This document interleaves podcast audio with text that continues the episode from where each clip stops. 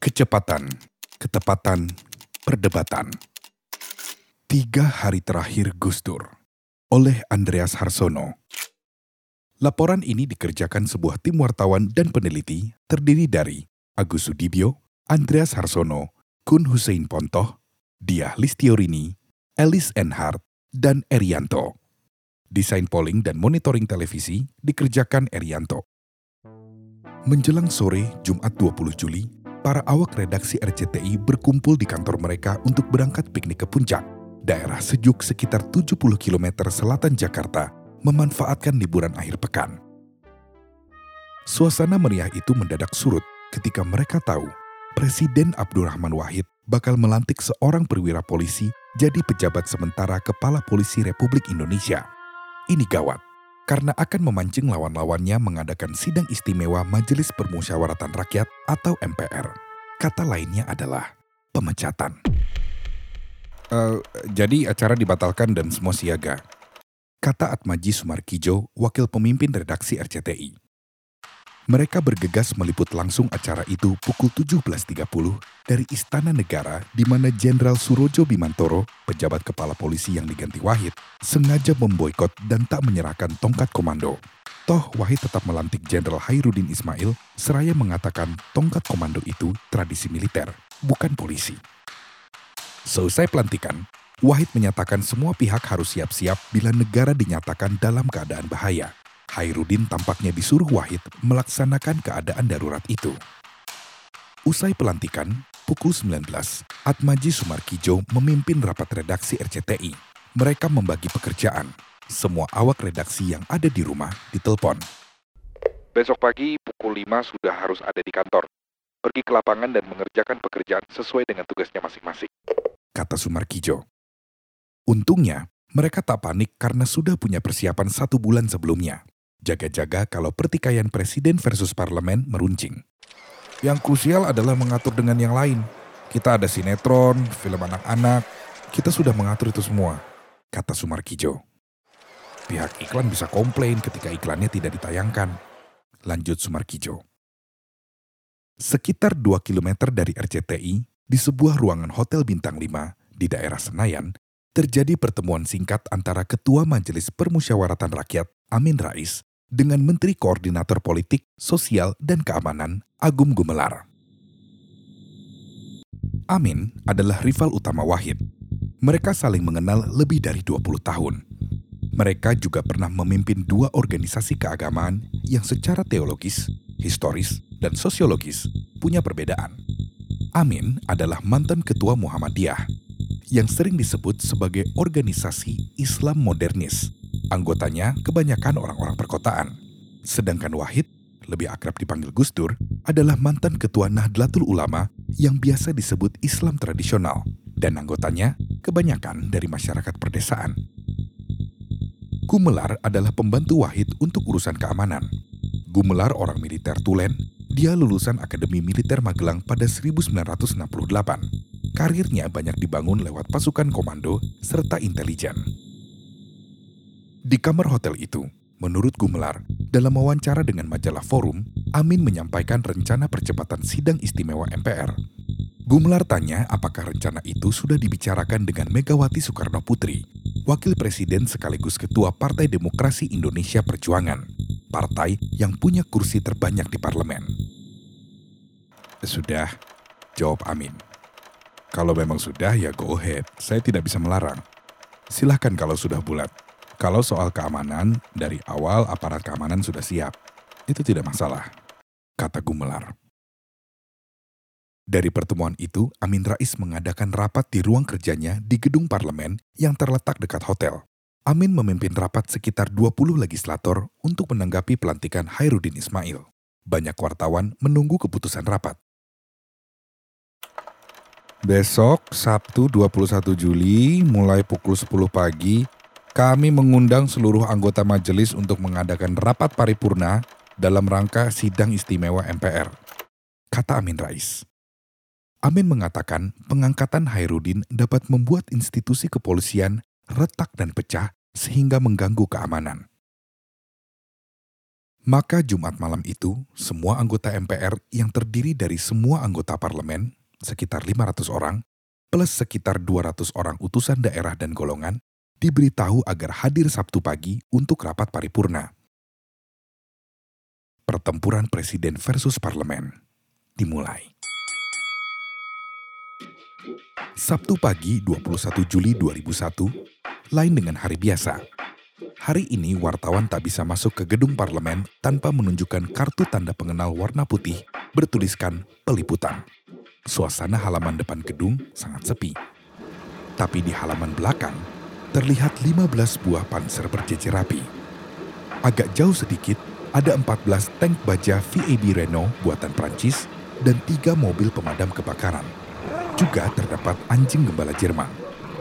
Menurut seorang perwira polisi, ada 2095 tentara dan polisi dari 29 satuan setingkat kompi yang datang ke Senayan. Mereka menjaga kemungkinan datangnya ribuan demonstran pendukung Wahid yang didukung oleh Nahdlatul Ulama, organisasi muslim terbesar di Indonesia, memprotes rapat paripurna MPR. Tindakan ini didasarkan pada asumsi bahwa kaum Nahdliyin bisa mengamuk kalau junjungan mereka diganggu.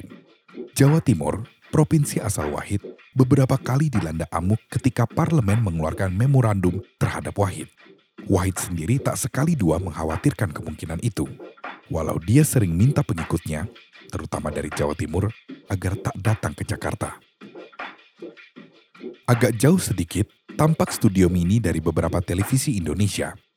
SCTV, RCTI, Indosiar, TPI, dan TVRI wartawan hilir mudik di berbagai tempat umum. Makin lama, makin banyak. Dari surat kabar Indonesia hingga asing, dari media Jakarta hingga daerah-daerah. Namun salvo pertama Sabtu pagi ternyata datang dari Istana Negara di mana Presiden Wahid mengadakan pertemuan pers. Wahid menyatakan tak akan menghadiri pertemuan dengan MPR. Itu sidang yang tidak sah atau ilegal, MPR hanya berhak menyelenggarakan sidang umum, sidang tahunan, dan sidang istimewa. Rapat paripurna merupakan bagian dari ketiga sidang tersebut. Mana mungkin sidang istimewa ditentukan oleh sebuah paripurna? Bagaimana mungkin bagian yang lebih kecil bisa menentukan sesuatu yang lebih besar? Kata Wahid. Seraya berpidato, Wahid menyuruh stafnya membagikan fotokopi surat undangan Amin Rais yang minta Wahid hadir di parlemen pada Senin 23 Juli 2001 untuk menyampaikan pertanggungjawaban. Wahid tak bisa menyembunyikan kemarahannya ketika mempertanyakan bagaimana mungkin sidang paripurna yang belum dimulai Sabtu pagi ini sudah memberikan surat macam itu Jumat malam. Pada saat yang sama, sekitar pukul 9.40, di depan televisi yang terdapat di dalam gedung parlemen di Senayan, tampak berkumpul polisi dan beberapa wartawan. Mereka menonton siaran langsung dari Istana Negara dan tertawa terbahak-bahak sambil berteriak, hu.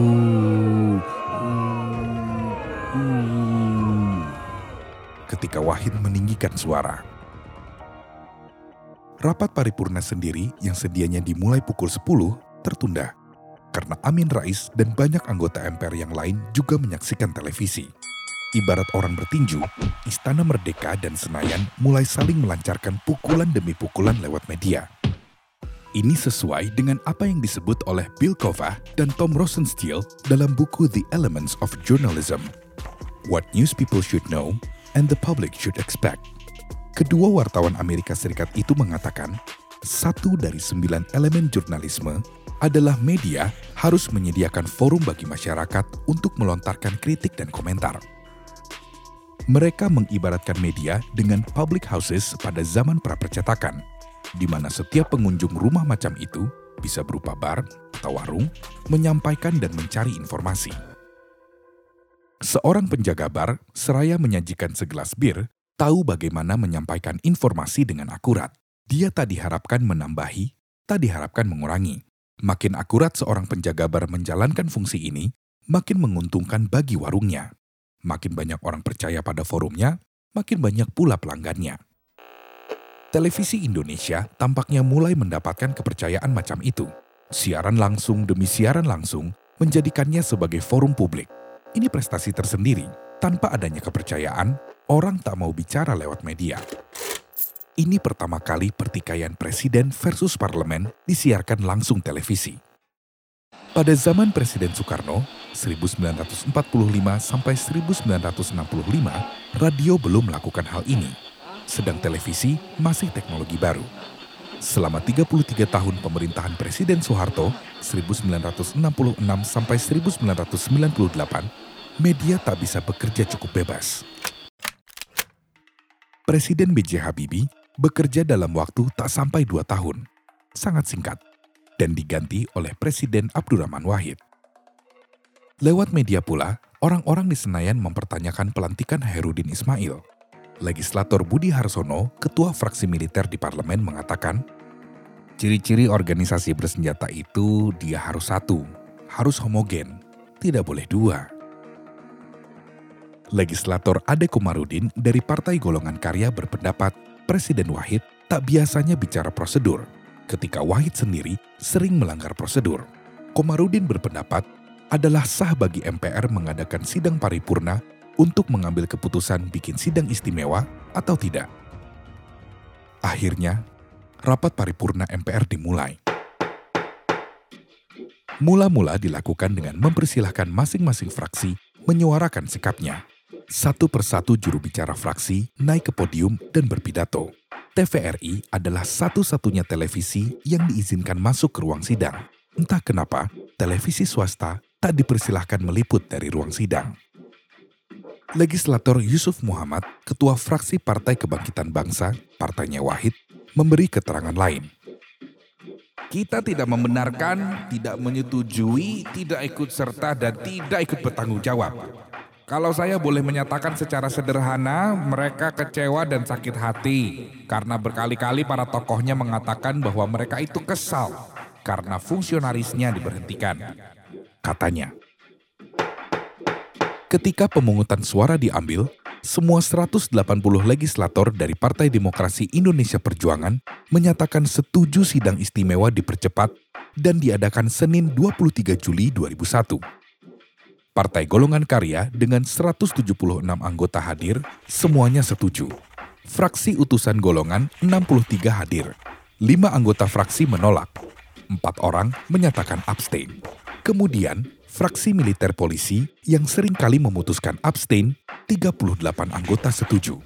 Partai Kebangkitan Bangsa menolak hadir dalam rapat paripurna ini.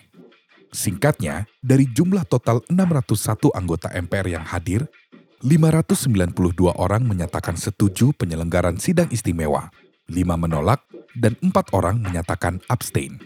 Mereka yang setuju beralasan Presiden Wahid melanggar sebuah ketetapan MPR karena mengangkat Hairudin Ismail sebagai pemangku sementara jabatan kepala kepolisian tanpa konsultasi parlemen. Sabtu siang, voting sudah diambil. Banyak anggota MPR hilir mudik di gedung parlemen. Wartawan mengerumuni mereka Salah satunya adalah Nur Syahbani Kaca Sungkana, anggota fraksi utusan golongan yang dikenal sebagai pengacara dan aktivis perempuan yang menolak percepatan sidang istimewa MPR. Kepada wartawan, Kaca Sungkana mengatakan dia menolak sidang istimewa karena elemen-elemen yang ada di sini mayoritas adalah Orde Baru. Kalau kita ingat pasca jatuhnya Soeharto, kita berhasil melalui pemilihan umum dengan happy. Tetapi begitu masuk ke gedung ini, semua itu dinafikan begitu saja. Para wakil ini memposisikan diri tidak sebagai wakil, tapi sebagai wali. Minggu pagi, 22 Juli 2001, di sebuah rumah dengan halaman hijau, luas, penuh tanaman di daerah kebagusan di selatan Jakarta, diadakan sebuah rapat selama hampir tiga jam. Rumah ini milik pribadi Wakil Presiden Megawati Soekarno Putri. Para tamunya adalah ketua berbagai partai politik. Usai rapat, Megawati menemui puluhan wartawan yang menunggu di pintu rumah. Seperti yang saudara lihat, di tempat kediaman saya pribadi, saya telah mengundang para ketua umum dan kapasitas saya sebagai pengundang adalah ketua umum PDI Perjuangan, kata Megawati. Selanjutnya, Megawati mempersilahkan Amin Rais, Ketua Partai Amanat Nasional sekaligus Ketua MPR, maupun Akbar Tanjung, Ketua Partai Golongan Karya sekaligus Ketua Parlemen, untuk memberitahu wartawan hasil pertemuan itu. Amin mengatakan tidak berapa lama lagi Indonesia akan melihat sebuah kepemimpinan nasional yang baru.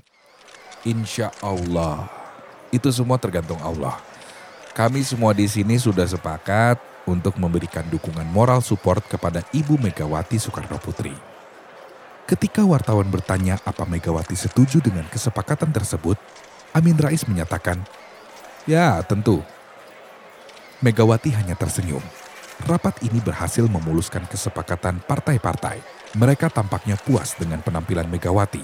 Bisa dipastikan, bila tak ada aral melintang, mereka bakal minta wakil-wakil mereka di parlemen untuk memberikan suara memecat Wahid dan mengangkat Megawati sebagai presiden. Ternyata, hari Minggu ini masih ada satu peristiwa besar yang makan perhatian politisi maupun media. Saat Amin, Megawati, dan politisi lain berunding di kebagusan, dua buah gereja mengalami pemboman.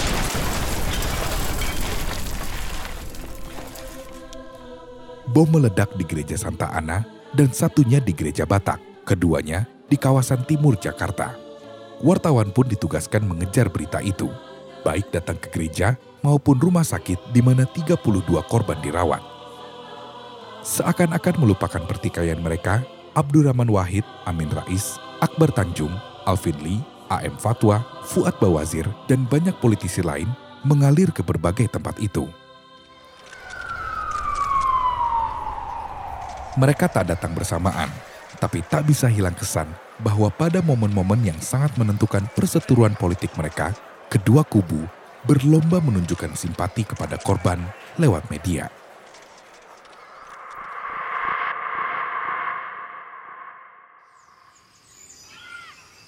Lapangan luas sekitar Monumen Nasional selalu menarik perhatian orang pada hari libur. Minggu sore 22 Juli 2001 itu, seperti biasa, banyak orang makan angin di sana. Ada anak kecil yang minta diantar bapak ibunya naik dokar, banyak juga orang muda pacaran. Para pedagang kaki lima menggelar dagangannya di sini. Minggu sore ini ada satu tambahan tontonan. Lebih dari 2000 serdadu dilengkapi dengan 134 tank datang ke lapangan ini. Mereka mengadakan apel bersama dalam rangka kesiapan jajaran TNI di wilayah Jakarta. Apel siaga ini dipimpin Komandan Apel Kolonel Marinir Sabzen Nurdin dari Brigade Infanteri 2 Marinir. Sedangkan Inspektur Upacara adalah Panglima Komando Cadangan Strategis Angkatan Darat Letnan Jenderal Ria Mizard Riakudu Pukul 7, Ria Kudu memasuki lapangan Monumen Nasional dengan mengendarai panzer. Bismillahirrohmanirrohim. Ria Mizar Triakudu membuka pidatonya. Pangdam Jaya, Komandan Korp Marinir, dan Kopassus, Panglima Kohanutnas, Pangkop AU dan Paskas, Panglima Armabar dan seluruh prajurit TNI terutama yang berada di daerah Jakarta Raya yang saya hormati, saya cintai, dan yang sangat saya banggakan. Secara singkat, Ria Kudu mengatakan tujuan apel ini adalah membangun kekompakan antara semua prajurit. Dia mengingatkan pada 1998, kekompakan itu terganggu ketika kita diadu-adu sehingga timbul perkelahian di antara kita. Walau dalam pidatonya tak disebut, tapi Ria Kudu mengacu pada pertikaian antara prajurit Komando Cadangan Strategis Angkatan Darat atau Kostrat dan marinir pada momen-momen jatuhnya Presiden Soeharto pada 1998. Saat itu, Kostrat dianggap anti-reformasi. Marinir justru dielu-elukan mahasiswa. Ria Kudu menjelaskan bahwa apel ini tanpa maksud politik, karena sudah dilaporkan dan sudah mendapat persetujuan dari semua kepala staf angkatan, Panglima TNI, Widodo AS, dan Presiden Wahid. Dia menekankan bahwa dia adalah tentara profesional yang tak mengurus politik. Belum jelas benar apa dampak politis dari apel tersebut. Media Indonesia belum banyak yang menggali informasi rapat apa yang memutuskan diadakannya apel malam itu. Bagaimana hubungan Ria Mizar Triakudu dengan Presiden Wahid? Apa hubungan apel itu dengan ketaksukaan Wahid pada dukungan fraksi militer di parlemen terhadap percepatan sidang istimewa MPR? Di Jakarta, perkembangan ini bisa diketahui dari siaran langsung televisi dan radio, terutama Metro TV dan Radio El Shinta 90,5 MHz FM. Apalagi juga ada undangan via short message service, biasa disingkat SMS, yang beredar secara terbatas di Jakarta lewat telepon seluler. Pesannya, dukung Gus Dur sebagai pejuang kemanusiaan, bukan sebagai presiden saja. Dan malam ini, istana terbuka untuk rakyat. Kalau setuju, kirim pesan ini ke 10 orang lagi dan datang ke istana. Seberapa jauh teknologi itu mendorong orang datang ke istana negara masih dijadikan bahan studi yang lebih serius. Yang jelas, cukup banyak tokoh-tokoh lembaga swadaya masyarakat maupun mahasiswa yang selama ini mendukung Presiden Wahid datang berbondong-bondong ke Istana Merdeka. Sekitar pukul 10 malam, jumlah mereka makin banyak. Sebut saja aktivis Emi Hafil, Muhtar Pakpahan, Sandiawan Sumardi, Nur Syahbani Kaca Sungkana, Bonar Tigor Nai Pospos, Dita Indahsari, Yeni Rosa Damayanti, Alexander Irwan, Hermawan Sulistyo, dan sebagainya. Adik kandung Megawati, Rahmawati Soekarno Putri, juga ikut datang.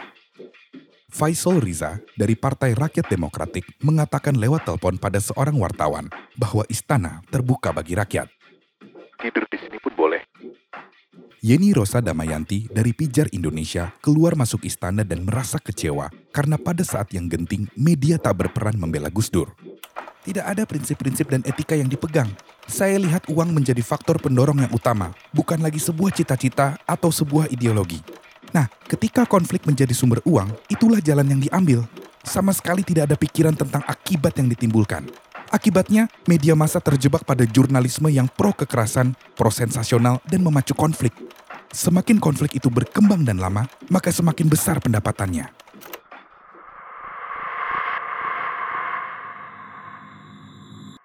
Menurut AC Nielsen, antara Sabtu 21 Juli dan Senin 23 Juli, SCTV mengantongi 3,182 miliar rupiah dari iklan program berita. RCTI mengantongi 1,741 miliar rupiah, Indosiar 1,380 miliar rupiah, TPI 683 juta rupiah, Antv 523 juta rupiah, serta Metro TV 282 juta rupiah. Jumlah ini besar tapi relatif kecil dibandingkan iklan dari program hiburan. Metro TV memperoleh iklan paling sedikit karena usianya relatif muda. Stasiun ini mulai siaran Desember 2000. Novi B. Suratinoyo, wakil pemimpin redaksi tabloid Victorious, memandang media banyak yang ingin menjatuhkan Gus Dur. Editorial media Indonesia misalnya, itu sangat jelas anti Gus Dur.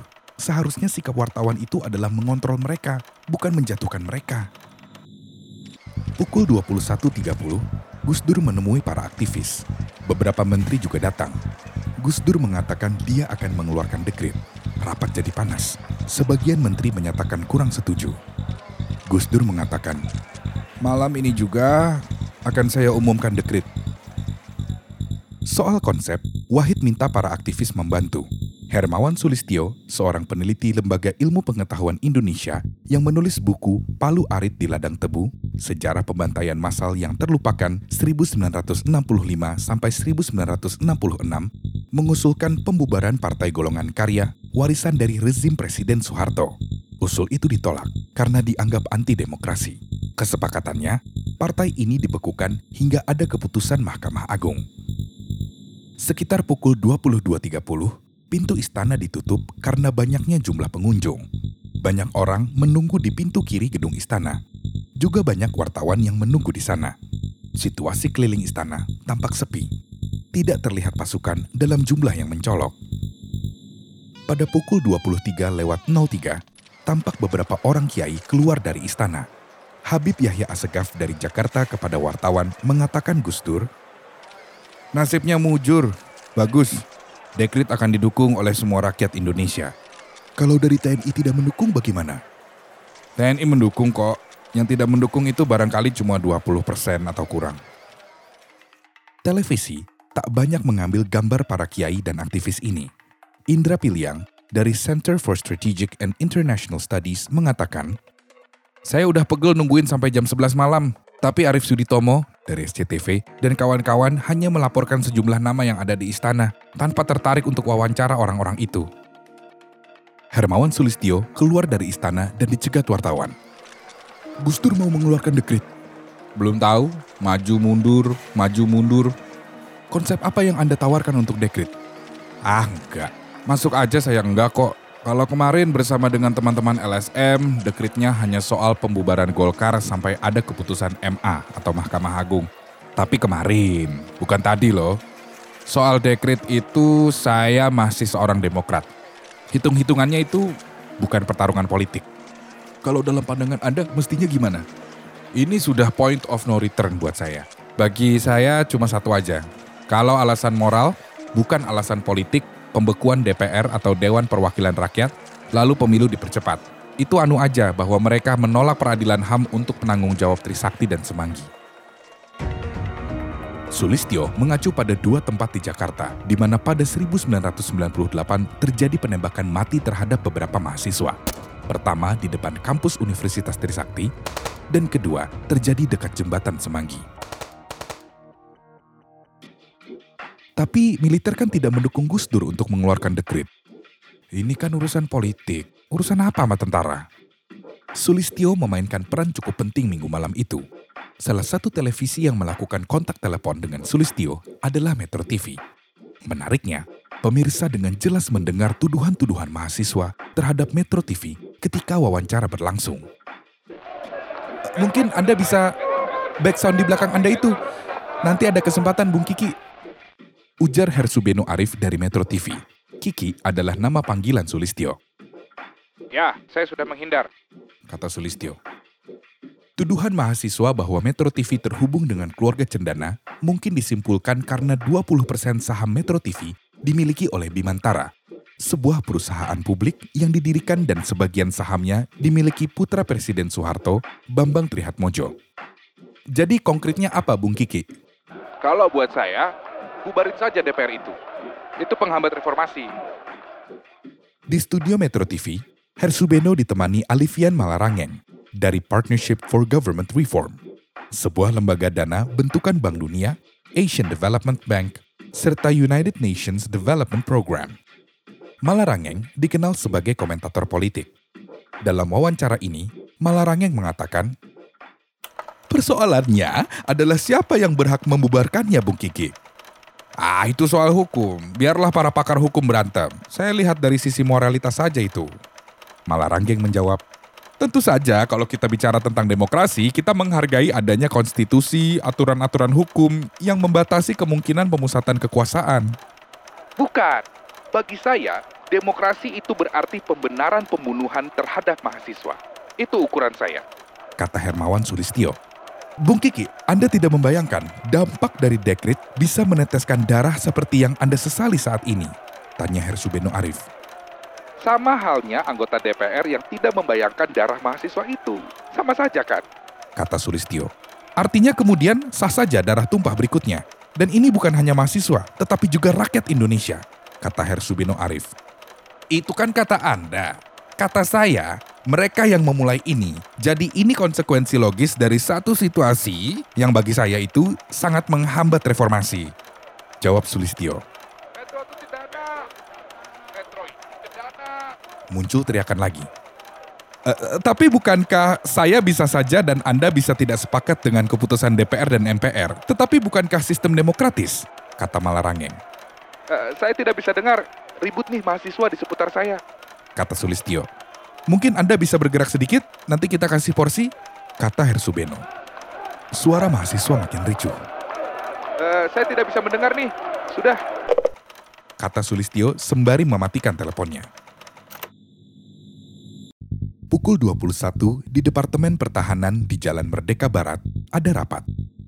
Tuan rumahnya, Laksamana Widodo AS, Panglima Tentara Nasional Indonesia yang mengundang para petinggi militer dari Angkatan Darat, Laut dan Udara, serta Agung Gumelar, Menteri Koordinator Politik Sosial dan Keamanan. Widodo mengatakan Presiden Wahid hendak mengganti Kepala Staf Angkatan Darat dan Angkatan Laut masing-masing Jenderal Endriartono Sutarto dan Laksamana Indroko Sastro-Wiryono, serta mengangkat Letnan Jenderal Joni Lumintang, seorang perwira senior yang menjabat Sekretaris Jenderal Departemen Pertahanan sebagai Wakil Panglima TNI. Mereka menganggap keputusan ini persiapan Wahid menjalankan keadaan darurat. Tanpa dukungan polisi dan militer, Wahid tak bisa menjalankan kebijakan itu. Polisi sudah relatif dikuasainya dengan mengangkat Hairudin Ismail, Langkah berikutnya adalah militer. Para perwira ini juga mengundang Lumintang. Ternyata Lumintang menolak pengangkatannya. Secara diplomatis, Lumintang menyerahkannya pada Widodo AS. Pukul 23.30, Widodo dan Gumelar pergi ke Istana Negara buat menyampaikan keputusan rapat. Di istana, Gumelar melihat banyak orang. Entah dari mana, banyak sekali. Ada orang-orang LSM atau lembaga swadaya masyarakat dan Rahmawati Soekarno Putri di situ. Kata Gumelar. Di dalam ruang kerja Wahid, ada beberapa pembantu Wahid termasuk Hairudin. Sempat hening sejenak, Kemudian Agung Gumelar mendekati Wahid yang penglihatannya kurang baik. Saya Agung Gumelar, Menteri Bapak, ingin menyampaikan pandangan dan saran. Kalau Presiden mengeluarkan dekrit, keadaan tidak akan bertambah baik, tapi semakin memburuk. Dan ini juga menyangkut nama baik serta reputasi Presiden. Saran saya, janganlah dekrit dikeluarkan demi keselamatan bangsa. Tiba-tiba, Wahid berdiri sambil berteriak sekeras-kerasnya. Kalian semua banci! Teriakan Wahid sedemikian kerasnya sehingga mengundang perhatian orang luar. Beberapa pengawal presiden menyerbu masuk. Agung Gumelar kaget. Wahid terlihat emosional dan nafasnya terengah-engah. Menurut penuturannya pada forum, Gumelar memegang tangan Wahid. Bapak Presiden, saya membantu Presiden dan tidak menginginkan Presiden mengambil keputusan yang keliru. Sudah saya putuskan! Teriak Wahid. Kalau tidak setuju dengan dekrit, maka silahkan pisah. Kalau setuju dengan dekrit, maka ikut saya. Suasana tak nyaman. Gumelar pun mengajak Widodo keluar.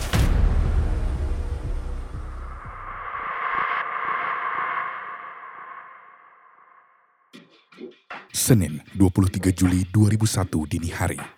Di kantor RCTI di bilangan Kebun Jeruk, Atmaji Sumarkijo kelelahan dan tertidur di kantornya.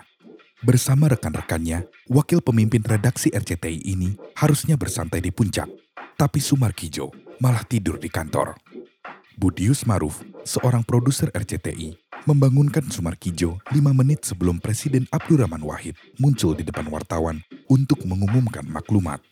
RCTI langsung menghentikan tayangan film dan pindah siaran ke Istana Negara. Wahid minta maaf lebih dulu pada wartawan karena mereka menunggu lama.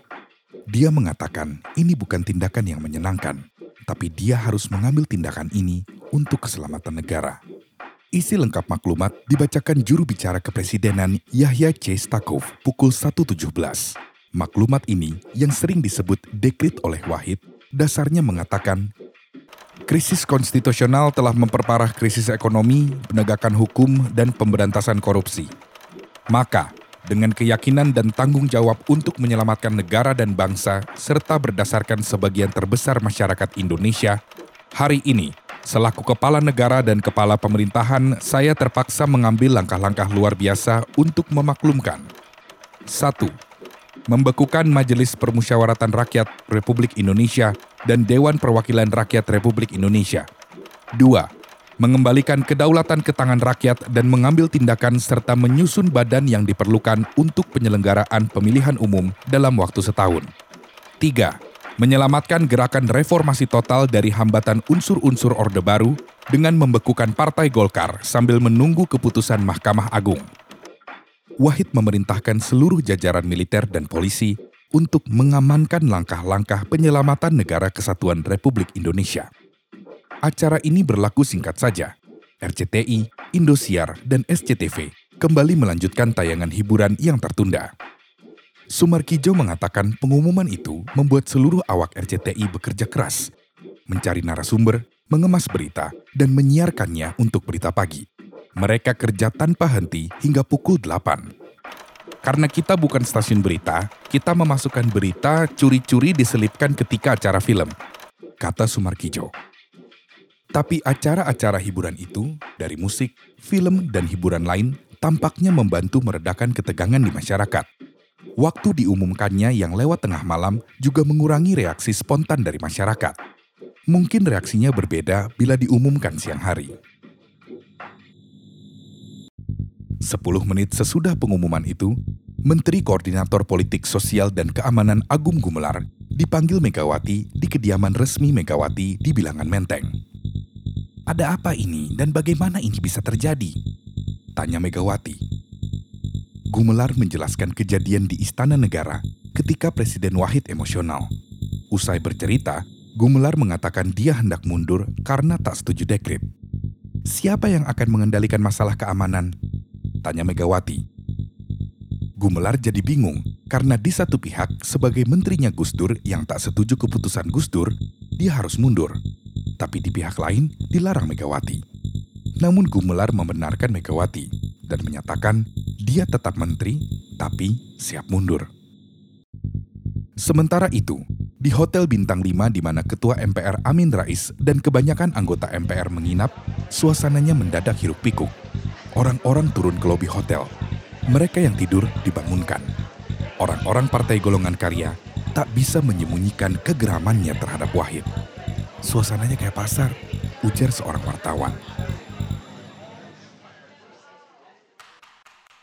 Dalam suasana hiruk pikuk ini, di mana perkembangan berita diluncurkan dengan cepat, peran televisi jadi sentral, dan orang pertama yang komentarnya muncul di televisi adalah orang yang bisa berperan paling besar dalam membentuk opini publik. Kebanyakan televisi menyiarkan langsung dekrit tersebut, tapi cuma Metro TV yang siap dengan seorang komentator di studionya.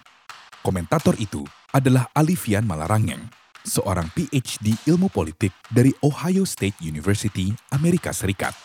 Malarangeng keturunan bangsawan Bugis, sehingga sering dipanggil gelar bangsawan Andi. Menurut Malarangeng, sebelum dekrit diumumkan, dia dan Hersubeno Arif mengobrol. Ngalor ngidul, nungguin sambil berdebar-debar apa yang terjadi. Ini terjadi karena pengumuman itu ditunda tiga jam, dari pukul 22 sampai jam 1 pagi. Mereka kemudian berpikir, apakah akan ada semacam dekrit yang isinya tak jelas? Semua serba meraba-raba. Situasi di studio Metro TV juga menarik. Informasi yang masuk menit per menit dari reporter di lapangan, dari internet, dari segala macam. Mereka disodori informasi terus hingga menyaksikan sendiri siaran langsung dari Istana Negara. Saat itu, Malarangeng tak bisa menyembunyikan emosinya lagi. Begitu siaran langsung dihentikan, Hersubeno Arif minta komentar Malarangeng. Ini maklumat, sayang sekali. Memperlihatkan sekali lagi dan tampaknya akan dicatat dalam sejarah bahwa Presiden Abdurrahman Wahid adalah seorang diktator. Dia telah melakukan makar terhadap negara, kata Malarangeng. Makar ya Bung Andi? Tanya Hersubeno. Dia telah melakukan makar terhadap negara. Dia telah melakukan makar terhadap lembaga tertinggi negara yang menjadi perwakilan rakyat. Tidak ada hak seorang presiden yang tidak dipilih oleh rakyat secara langsung untuk membubarkan parlemennya. Ini bukan sistem parlementer. Ini juga bukan sistem otoritarian. Dengan ini, dia mengambil kembali seluruh kewenangan kekuasaan negara pada dirinya sendiri. Dia sudah mendefinisikan negara. Dirinya adalah negara. C'est moi. Tanpa jeda, Malarangeng melanjutkan. Ini tidak bisa dibiarkan semacam ini. Karena itu saya juga menghimbau seluruh aparat negara, seluruh TNI dan militer agar tidak mematuhi dekrit ini. Dekrit ini adalah makar terhadap negara kepada sesama warga negara Republik Indonesia. Inilah saatnya kita mengatakan selamat tinggal Gus Dur. Kemudian kita mempersilahkan sidang istimewa MPR DPR tetap bersidang sebagaimana mestinya. Kita sebagai rakyat dan seluruh aparat negara mesti melindungi wakil-wakil rakyat di MPR melakukan persidangan sebagaimana mestinya. Kemudian, memberhentikan dengan tidak hormat Presiden Abdurrahman Wahid dan kemudian melantik Wakil Presiden Megawati sebagai presiden. Suasana agak tegang. Hersubeno bergurau. Ya, saya kira ini bukan maklumat tandingan ya. Bukan, sebagai warga negara dan seorang demokrat, kata Malarangeng. Pertanyaannya adalah, Seberapa besar pengaruh Alifian Malarangeng? Berapa banyak orang yang menonton Metro TV? Berapa persen dari para penonton itu yang terpengaruh himbauan Malarangeng? Menurut AC Nielsen, peringkat Metro TV Senin dini hari itu berkisar 0,3 sampai 1,2.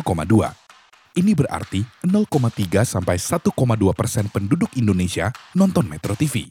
Katakanlah populasi Indonesia 200 juta, maka yang menonton 600 ribu sampai 2,4 juta orang. Sebagian besar mereka ada di Jakarta, karena jangkauan Metro TV paling banyak di ibu kota. Ini cukup besar, mengingat televisi ini baru beroperasi sejak Desember 2001. Tapi berapa orang yang datang ke parlemen untuk menentang dekrit, belum ada jawaban konkret. Tapi di satu sisi, Malarangeng dipuji karena berani mengambil resiko. Bagaimanapun juga, ada kemungkinan dekrit dijalankan. Parlemen dibubarkan, Amin Rais ditangkap, dan televisi dikuasai. Istri saya sudah nangis-nangis di rumah karena khawatir saya ditangkap, kata Malarangeng. Malarangeng mengatakan dia berusaha seobjektif mungkin dalam acara bincang-bincang itu dengan melihat konteks peristiwa itu pada beberapa hari atau bulan sebelumnya. Tapi ada beberapa titik di mana mungkin saya tidak objektif.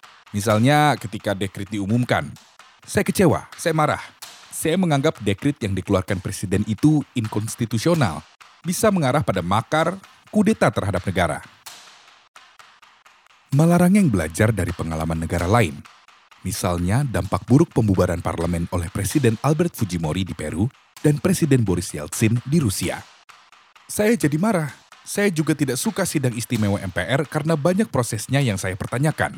Tapi tidak bisa karena saya tidak suka sidang istimewa MPR, maka saya membekukan MPR. Dalam titik itulah saya tidak bisa mengambil jarak. Saya bersikap sebagai warga negara mungkin atau sebagai orang yang selalu berusaha mewujudkan demokrasi. Katanya. Tapi ada juga yang berpendapat persoalan tak seserius yang dibayangkan Malarangeng. Wahid tak bisa dibandingkan dengan Fujimori atau Yeltsin. Wahid mengeluarkan dekrit yang tumpul. Kalau saja Malarangeng tahu kesepakatan Amin Rais dan Agung Gumelar pada Jumat malam, mungkin Malarangeng bisa mengatakan dekrit itu tak bakal efektif. Militer tak mendukung sehingga tak bakal jalan. Dia tak perlu menghimbau militer agar menentang makar. Kalau Malarang yang tahu sikap Megawati Soekarno Putri yang menanggapi ketegangan itu dengan santai, bahkan pergi nonton film Walt Disney, Shrek, mungkin Malarang yang bakal lebih tahu bahwa dekret itu tak bakal melumpuhkan parlemen. Theodore Yakub Kukritz, seorang aktivis forum demokrasi yang kenal Malarangeng sejak bangku sekolah menengah di Makassar, mengatakan Malarangeng emosional sekali. Malarangeng dianggapnya tidak lagi political scientist karena berpihak sekali. Oke lah, Andi Malarangeng dikasih waktu 4 jam berturut-turut. Satu atau satu setengah jam diberikan kepada Arbi Sanit, Tamrin Tomagola, atau yang lain. Kata Yeni Rosa Damayanti dari Solidamor mengacu pada dua dosen Universitas Indonesia yang pro Wahid. Her Subeno Arif mengatakan, kesulitan terkadang disebabkan keterbatasan komentator yang bisa dihubungi dengan cepat. Selain harus menguasai persoalan, seorang komentator diharapkan orang yang kenal kamera. Metro TV juga menghubungi orang-orang Partai Kebangkitan Bangsa, tapi mereka tak bisa dihubungi atau tak bersedia datang. Andi F. Noya, pemimpin redaksi Metro TV, menghubungi Alifian Malarangeng minggu pukul 22. Noya minta Malarangeng datang ke studio, padahal Malarangeng baru selesai dengan talk show televisi lain. Atmaji Sumarkijo mengatakan, Para komentator, para pengamat itu pasti laku. Jadi kita list dulu beberapa nama untuk dijadikan sumber. Waktu itu ada banyak nama yang diajukan. Ada Dewi Fortuna Anwar, Andi Malarangeng, Rizal Malarangeng, Arbi Sanit, Imam Prasojo, dan lain-lain. Ada 30 nama waktu itu. RCTI akhirnya memilih E.F. Saifullah Fatah, seorang mahasiswa pasca sarjana Ohio State University yang masih segar karena baru pulang dari Amerika. Dalam memilih narasumber, kita coba seobjektif mungkin. Dia tidak membawa suatu aliran atau pro Gus Dur atau anti Gus Dur karena nanti akan bias. Riswanda Imawan juga jadi prioritas kita. Tapi karena ia jauh di Yogyakarta, ya kita cari yang ada di Jakarta saja. Kata Sumarkijo. M. Imaduddin Rahmat, Zuhairi Misrawi, dan Rumadi dari Lembaga Kajian dan Pengembangan Sumber Daya Manusia atau Lakpesdam Nahdlatul Ulama berpendapat media sengaja ingin menjatuhkan Wahid. Anak-anak muda Nahdlatul Ulama ini mengatakan mereka sekalipun tak pernah dihubungi televisi. Lembaga mereka hanya sekali dihubungi oleh sebuah radio. Saya kira apa yang ditampilkan di media Indonesia atau Metro TV sangat jelas aspek by design itu. Orang awam akan bisa melihatnya, apalagi orang yang berada dalam komunitas NU, kata Rumadi. Harian Media Indonesia dan Metro TV adalah dua institusi media yang berhubungan. Keduanya dipimpin oleh pengusaha Surya Paloh. Editorial Media Indonesia tiap hari juga divisualkan di Metro TV. Salim Said, penulis buku The Genesis of Power dan seorang komentator politik yang banyak tampil pada hari-hari ini berpendapat. Secara umum, penampilan televisi lumayan baik. Kesalahan atau pertanyaan bodoh memang muncul, tapi by default, not by design. Sumarkijo berpendapat, agak sulit bagi televisi untuk tak mendapat cap anti Gus Dur. Sekarang, ada nggak orang yang pro Gus Dur pada waktu itu? Masalah teknis lain, komentator politik yang setuju dekrit, semuanya ada di istana, sehingga sulit memanggilnya ke studio televisi. Sehingga yang muncul adalah yang kontra dekrit tersebut. Setiap televisi dan radio memang harus sangat hati-hati memilih narasumber. Lebih hati-hati ketimbang media cetak, karena narasumber media elektronik hanya bicara. Orang menulis harus jujur terhadap dirinya sendiri. Orang menulis sulit untuk berbohong. Ini berbeda dengan wicara. Salah satu cara mengatasinya adalah memberikan suara kepada semua pihak yang bertikai. Kalau perlu, sama-sama di studio. Dalam momen secepat ini, salah satu keterbatasan televisi dan radio adalah sulit dan mahalnya memproduksi berita. Talk is cheap, news is expensive. Talk show jadi pilihan karena murah dan kelihatannya gampang. Bandingkan kalau siaran-siaran ini diisi oleh berita melulu. Berapa ratus reporter yang harus dikerahkan? Konsekuensi lain adalah kerja maraton. Padahal, makin capek seseorang, makin berkurang kinerjanya. Baik Hersubeno Arif maupun Alifian Malarangeng, sekedar contoh, bicara lebih dari 6 jam. Hersubeno bahkan mulai kerja minggu jam 6.30 dan baru pulang ke rumah 25 jam sesudahnya, Senin jam 7.30. Malarangeng yang merasa khawatir akan keamanannya setelah bicara demikian keras, merasa tak aman pulang dini hari dan memutuskan tetap tinggal dan bicara di studio hingga hari terang. Atma Kusuma Astra Atmaja dari Dewan Pers berpendapat, Memang sulit untuk melihat perimbangan sumber berita 50-50. Tapi sepintas, televisi sudah cukup baik. Senin pagi 23 Juli 2002, televisi, radio, dan .com terbukti di atas angin dalam liputan 24 jam terakhir. Ini bisa dilihat pada harian Kompas, The Jakarta Post, Media Indonesia, Republika, dan harian lain yang terasa lebih kurang relevan ketimbang berita televisi, radio, dan .com. Kompas menurunkan stop press pukul 3.15 dini hari yang berisi keterangan pers Amin Rais bahwa MPR tetap bakal melaksanakan sidang. Amin mengadakan pertemuan pers sekitar pukul 2 dini hari ketika kebanyakan surat kabar Jakarta sudah naik cetak. Mereka masih sempat menurunkan berita maklumat Presiden Wahid tapi reaksi Amin Rais sudah terlambat untuk dicetak. Apalagi reaksi Akbar Tanjung, ketua Partai Golongan Karya yang mengadakan pertemuan pers lebih lambat dari Amin. Agum Gumelar bahkan bikin pertemuan pers menjelang salat subuh. Surat kabar di zona waktu Indonesia Tengah maupun waktu Indonesia Timur yang masing-masing sejam dan dua jam lebih cepat dari waktu Jakarta malah banyak yang tak sempat menurunkan berita maklumat wahid. Kompas bisa melakukan stop press karena surat kabar ini menguasai sendiri percetakannya. Toh Kompas terbit Senin tanpa memasukkan reaksi Partai Golkar atau keterangan Agung Gumelar. Unsur kecepatan memang sangat penting. Makin cepat suatu media bekerja, makin penting kedudukannya dalam situasi kritis. Surat kabar kalah bersaing dengan televisi, .com, dan radio karena butuh waktu cetak. Majalah Tempo bahkan sudah selesai cetak ketika Wahid menyatakan negara dalam keadaan darurat. Susahnya, wartawan cenderung bekerja dengan pola media masing-masing. Senin dini hari itu, hanya ada lima wartawan di hotel tempat Amin Rais dan Akbar Tanjung bikin pertemuan pers. Kebanyakan wartawan surat kabar dan televisi pulang setelah deadline. Mungkin kecapean. Ini beda dengan media internet atau kantor berita yang bekerja praktis 24 jam. Detikom menurunkan berita, Gus Dur bekukan Partai Golkar, pemilu digelar satu tahun lagi, hanya beberapa menit setelah juru bicara kepresidenan Yahya Cestakuf membacakan maklumat itu di Istana Merdeka pukul 1.17. Detikom terus-menerus melaporkan perkembangan momen-momen ini. Amin dilaporkan, Tanjung dilaporkan, Gumelar juga dilaporkan. Sabto Anggoro, wakil pemimpin redaksi Detikom, mengatakan dia dan para reporternya juga maraton. Para reporternya menggunakan telepon seluler dan melaporkan berbagai kejadian dari istana, parlemen, hotel, kantor Gumelar, dan sekitar Monumen Nasional. Kompas Cybermedia menurunkan naskah lengkap maklumat pada pukul 1.43 dengan judul isi lengkap dekrit Presiden Abdurrahman Wahid.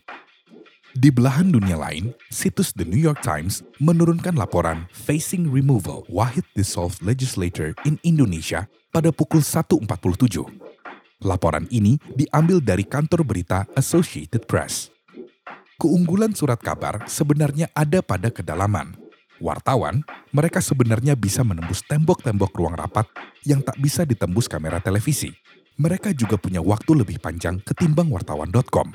Tapi hingga Senin, belum ada surat kabar yang mampu menjelaskan apa yang terjadi sepanjang hari Jumat, Sabtu, Minggu di luar hal yang resmi.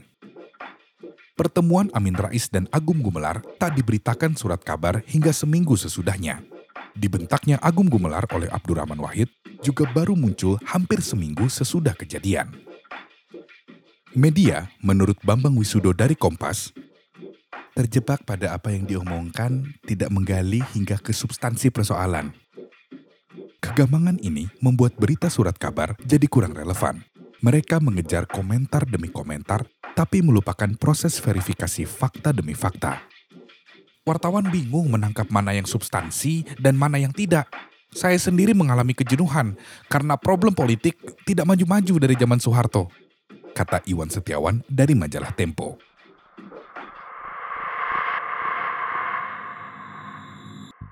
Senin siang, 23 Juli 2001. Televisi berlomba-lomba menyiarkan sidang istimewa MPR dan mendatangkan komentator di studio masing-masing. SCTV mendatangkan Solahuddin Wahid dari Nahdlatul Ulama. Stasiun lain kebanyakan mendatangkan pembicara dari kubu anti Wahid. TPI mendatangkan Indria Samego dari LIPI, Maswadi Rauf dari Universitas Indonesia, dan Salim Said.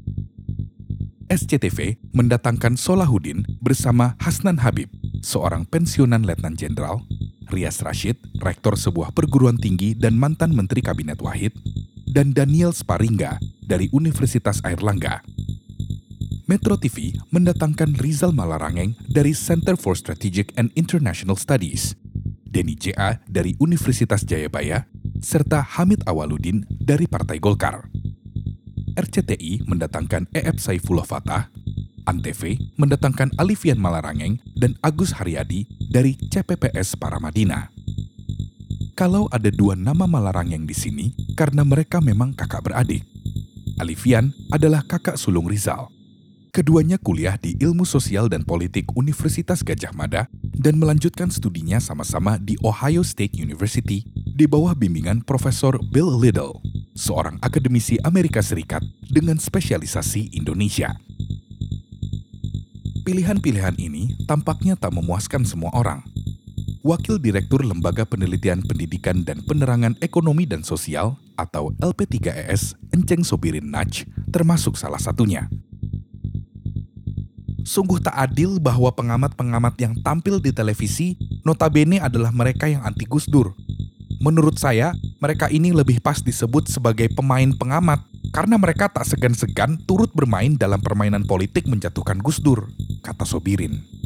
Tidak kritis terhadap tentara, itu jelas sekali, kata Gokritz dari Forum Demokrasi. Zuhairi dari Lakpesdam Nahdlatul Ulama melihat pilihan para komentator ini dari sudut pandang perebutan kekuasaan antara Islam tradisional dan Islam modernis.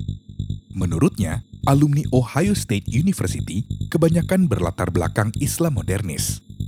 Nah, persoalannya, selama ini tidak cukup ada dialog antara teman-teman berbasis Islam modernis dan teman-teman dari kalangan tradisionalis. Mereka berpikir kalau Gus Dur semakin berkuasa, otomatis mereka tidak punya banyak peluang untuk berkembang. Di sini ada gambaran tentang persaingan antara Ulil Absyar Abdallah dan rekan-rekannya yang modernis. Ulil itu sebagai intelektual muda Islam sangat cepat melejit, sementara teman-teman segenerasinya tidak mengalami hal yang sama. Mereka menganggap kalau Gus Dur tetap berkuasa akan semakin banyak lagi anak-anak muda NU yang melejit mewarnai dinamika intelektual, keagamaan, dan politik di Indonesia. Saya menangkap ada kekhawatiran seperti itu, kata Zuhairi. Menurut Hersubino Arif, Metro TV mencoba mengatasi kurang beragamnya sumber mereka pada Selasa 24 Juli 2001. Mereka mencari Ulil Abzar Abdallah, orang nomor satu Lakpesdam NU, tapi Ulil sedang berada di Amerika Serikat. mereka menggantinya dengan Ahmad Sahal dari Jurnal Kebudayaan Kalam. Sahal dari latar belakang keluarga Nahdlatul Ulama. Zuhairi mengatakan, Sahal memang warga Nahdlatul Ulama, tapi tak banyak terlibat dan mengikuti secara langsung perkembangan-perkembangan yang terjadi di Nahdlatul Ulama. Saya kira ini kecelakaan betul Metro TV. Mestinya media mengetahui hal-hal seperti ini. Apakah benar seseorang itu merepresentasikan suara anak-anak muda NU secara umum? Karena sesungguhnya Sahal diundang untuk melihat bagaimana sih sebenarnya suara anak muda NU. Menurut Zuhairi, ada dua penjelasan misrepresentasi ini. Pertama, Metro TV tidak memahami peta perkembangan di Nahdlatul Ulama. Kedua, ada kesengajaan menghadirkan tokoh-tokoh dari luar maupun dari dalam Nahdlatul Ulama yang mau bicara kritis atau negatif tentang Nahdlatul Ulama dan Gus Dur. Kerangka yang muncul di media adalah kaum Nahdliyin kurang berpendidikan, orang desa, dan bakal mengamuk bila Gus Dur dijatuhkan. Ternyata kekhawatiran ini tak terjadi sama sekali. Penjagaan gedung parlemen terkesan malah berlebihan. Apakah media kecelek dengan asumsi-asumsi mereka? Hermawan Sulistyo mengatakan dekrit dikeluarkan sebagai lambang gerakan moral melawan tren bahwa demokratisasi Indonesia kembali ke model Orde Baru. Hersu Beno Arif dan Rizal Malarangeng membantah hal ini. Tidak ada konspirasi. Lawan Gus Dur adalah prinsip demokrasi. Kiki bilang dekrit moral, itu juga omong kosong.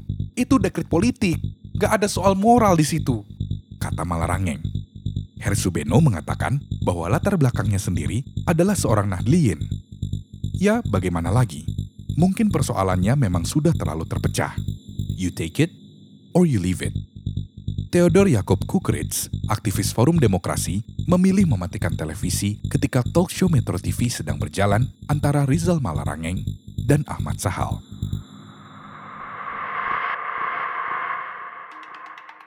Masalah dari pemberitaan cepat biasanya akurasi. Waktu untuk verifikasi, untuk editing, jadi berkurang. Bill Kovah dan Tom Rosenstiel mengatakan esensi jurnalisme adalah verifikasi boleh cepat, tapi jangan meninggalkan esensi ini. Ini kelemahan kebanyakan media Indonesia. Banyak wartawan yang melontarkan pertanyaan tolol karena tak melakukan verifikasi lebih dulu. Ada wartawan di Istana Negara yang minggu petang dibentak Wahid dan dibilang tukang melintir karena asumsi dalam pertanyaannya soal kerjasama Wahid dan Rahmawati Soekarno Putri bertentangan dengan fakta. Dari SCTV, ada seorang presenter yang mengatakan dia mendapat bocoran. Hal itu tanpa dicek lebih dahulu, langsung disiarkannya di televisi dan ditanyakan pada Jack Kristiadi dari Center for Strategic and International Studies, narasumber di studio. Bagaimana mungkin Kristiadi bisa mengetahui fakta itu? Seberapa besar kebenaran bocoran itu? Beruntung, Kristiadi cukup berpengalaman sehingga tak memperpanjang informasi yang belum jelas asal-usulnya orang bisa melancarkan kritik terhadap media dengan memperhatikan akurasi dalam pemberitaannya. Siapa yang kebobolan? Siapa yang tekun? Siapa yang tak terburu-buru minta komentar orang-orang yang disebut pengamat atau pakar sebelum melakukan verifikasi fakta? Bagaimana seorang wartawan menempelkan label pakar atau pengamat pada narasumbernya? Mengapa orang yang tak pernah menulis buku atau bikin penelitian serius bisa disebut dengan pakar?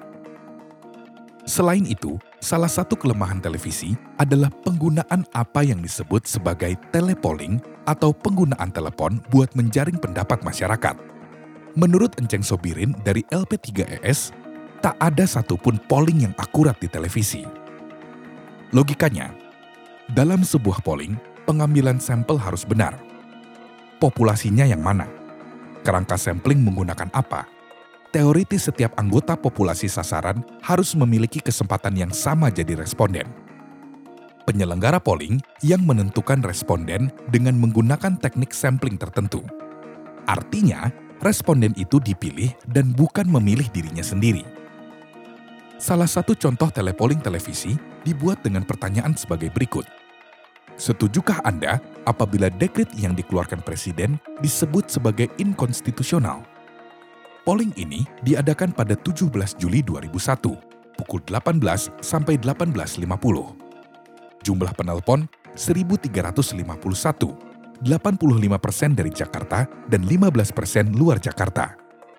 Hasilnya, setuju 81,65 persen, tidak setuju 16,80 persen, dan tidak peduli 2,15 persen.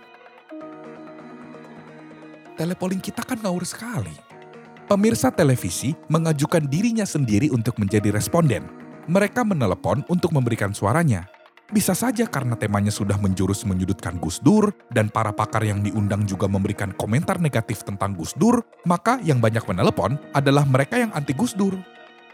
Mereka yang anti Gus Dur cenderung untuk tidak menonton acara tersebut. Dengan kata lain, antara mereka yang pro dan anti Gus Dur tidak memiliki peluang yang sama untuk menjadi responden. Dengan kata lain, televisi tidak melakukan sampling yang benar, kata Sobirin. Polling itu masalah metodologi penelitian. Kalau metodologinya tak benar, maka hasilnya juga tak bermakna apa-apa. Hasil telepolling televisi tak bisa dianggap sebagai suara masyarakat. Namun, apa yang terjadi? Para doktor lulusan Amerika yang berbicara di televisi membenarkan begitu saja hasil polling itu, kata Sobirin.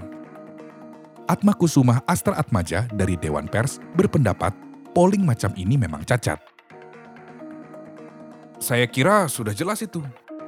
Memang disayangkan jika ada media tidak jujur mengatakannya. Hasil polling diklaim sebagai representasi suara masyarakat. Namun, Astra Atmaja mengatakan pengaruh media tak seserius yang dibayangkan orang selama ini. Paling jauh, pengaruh media adalah membuat orang yang sebelumnya sudah anti Gus Dur menjadi lebih anti lagi. Demikian juga sebaliknya. Namun saya yakin tidak sampai membuat orang yang sebelumnya pro Gus Dur atau netral menjadi anti Gus Dur. Mungkin dugaan itu benar. Pukul 16.53, MPR resmi memberhentikan Abdurrahman Wahid sebagai presiden karena dinilai melanggar haluan negara. Megawati Soekarno Putri jadi penggantinya. Sebanyak 591 anggota MPR menyatakan setuju memberhentikan Wahid dan mengangkat Megawati tidak ada yang menolak dan tidak ada yang abstain. Semua politisi itu kelihatan kelelahan, tapi tak ada satupun yang menyimpang dari opini mereka sebelumnya untuk memberhentikan Gus Dur. Nun jauh dari berbagai kantor berita, para wartawan pun juga merasa kecapean. Tapi maraton tiga hari ini memberi pelajaran dan pengalaman yang berharga sekali agar kelak mereka bekerja lebih baik. Kritik adalah cambuk untuk kemajuan masa yang akan datang.